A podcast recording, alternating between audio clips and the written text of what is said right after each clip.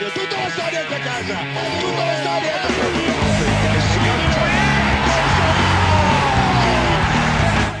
Välkomna ska ni vara till Svenska fans live. Ja, om en månad så är det avspark för Allsvenskan.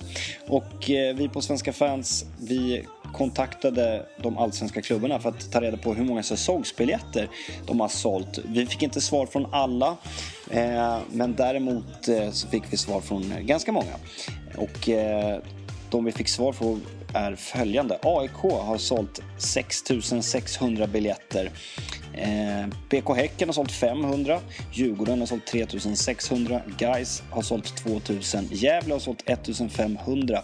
Helsingborgs IF som slutade tvåa i Allsvenskan har sålt 2900. De berättar också att de räknar med att sälja ungefär 4000 biljetter. Eh, Elfsborg har sålt 3600 säsongskort. IFK Göteborg har sålt 4300. IFK Norrköping har sålt ungefär 2000. De har också en kampanj som startade igår och de hoppas på 4000. Ganska starkt för en nykomling. Och eh, Trelleborg har sålt 1600. Flest, ja det har, har Malmö FF, svenska mästarna, sålt. De har sålt över 8000 säsongsbiljetter.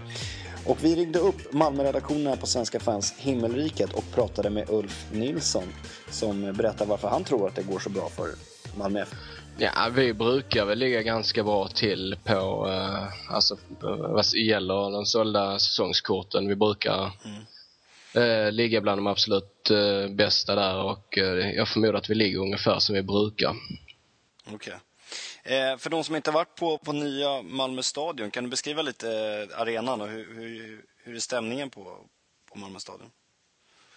Ja, den nya stadion är ju äh, betydligt mer kompakt än äh, den tidigare som kanske var äh, vacker att titta på men som ur publiksynpunkt var ganska värdelös med pelare i vägen och man satt en halv kilometer från planen och så vidare.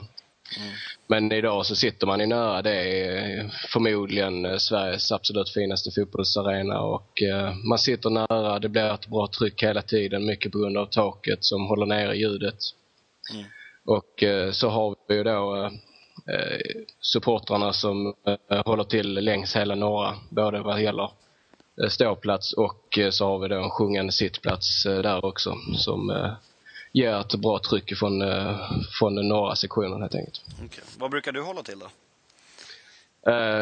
Det är lite olika. Normalt sett så håller jag till på den här sjungande sittplatsen då, mm. på norra. Ibland så i egenskap av svenska fans så sitter jag dock på pressläktaren för att ha lite bättre överblick av spelet. Men annars när jag kan eh, så sitter jag helst på sjungande sitt. Okej. Okay. Om vi tittar på Malmö FF och eh, säsongen 2011, vad har du för förväntningar på laget? Eh, förväntningen är väl att vi ska kunna bygga vidare på det som vi startade med i fjol eller kanske redan året innan. Att bygga vidare på att vara ett spelförande lag att spela offensivt och att, uh, att våga ut i Europa. Även om det då inte får bli alldeles för naivt när vi nu uh, kommer ut igen. Mm. Det måste vara ganska skönt också. Malmö har ju fått behålla i stort sett hela truppen.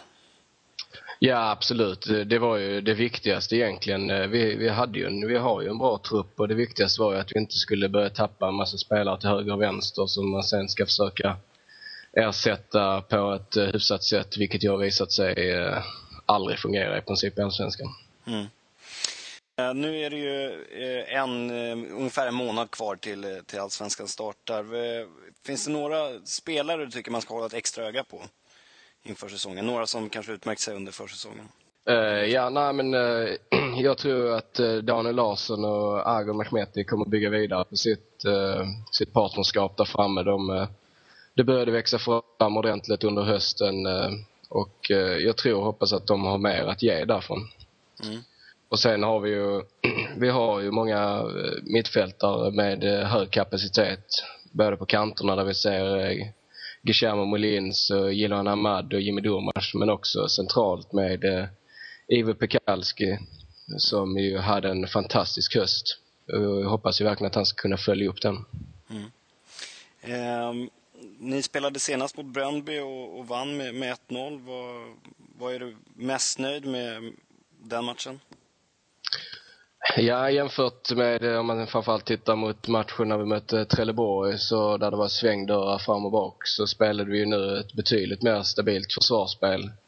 Mm. Och eh, det är ju viktigt att vi får igång det framförallt inför Europa där försvarsspelet kommer vara A och O. Och då, där, kommer vi, där måste vi förlita oss på en stark defensiv. Där de lagen kommer vi inte kunna rulla ut som vi kan göra mot vissa allsvenskan. Eller de flesta allsvenskan. Mm. Eh, nu är det ju nu har ju knappt säsongen börjat, men eh, om vi liksom kan förutspå hur säsongen slutar, eh, tror du att Malmö har en, en bra chans att försvara guldet? Ja, det tror jag absolut att vi har. Sen om vi gör det, det, det är väl en annan sak. Men att vi ska vara med och fightas där uppe, det, det tycker jag absolut att man kan begära. Vi har som sagt fått behålla laget. Och eh, då måste man kunna begära att laget återigen är ett topplag. Mm. Sen får vi se hur mycket Europa kommer att slita och sen vet man inte, vi kanske tappar spelare till sommaren istället. Mm. Vilka tror du blir det största hotet då mot, mot Malmö? Eh, Helsingborg var ju förra året, Elfsborg har man ju, som vanligt kanske man får säga höga förväntningar på. Vilka tror du?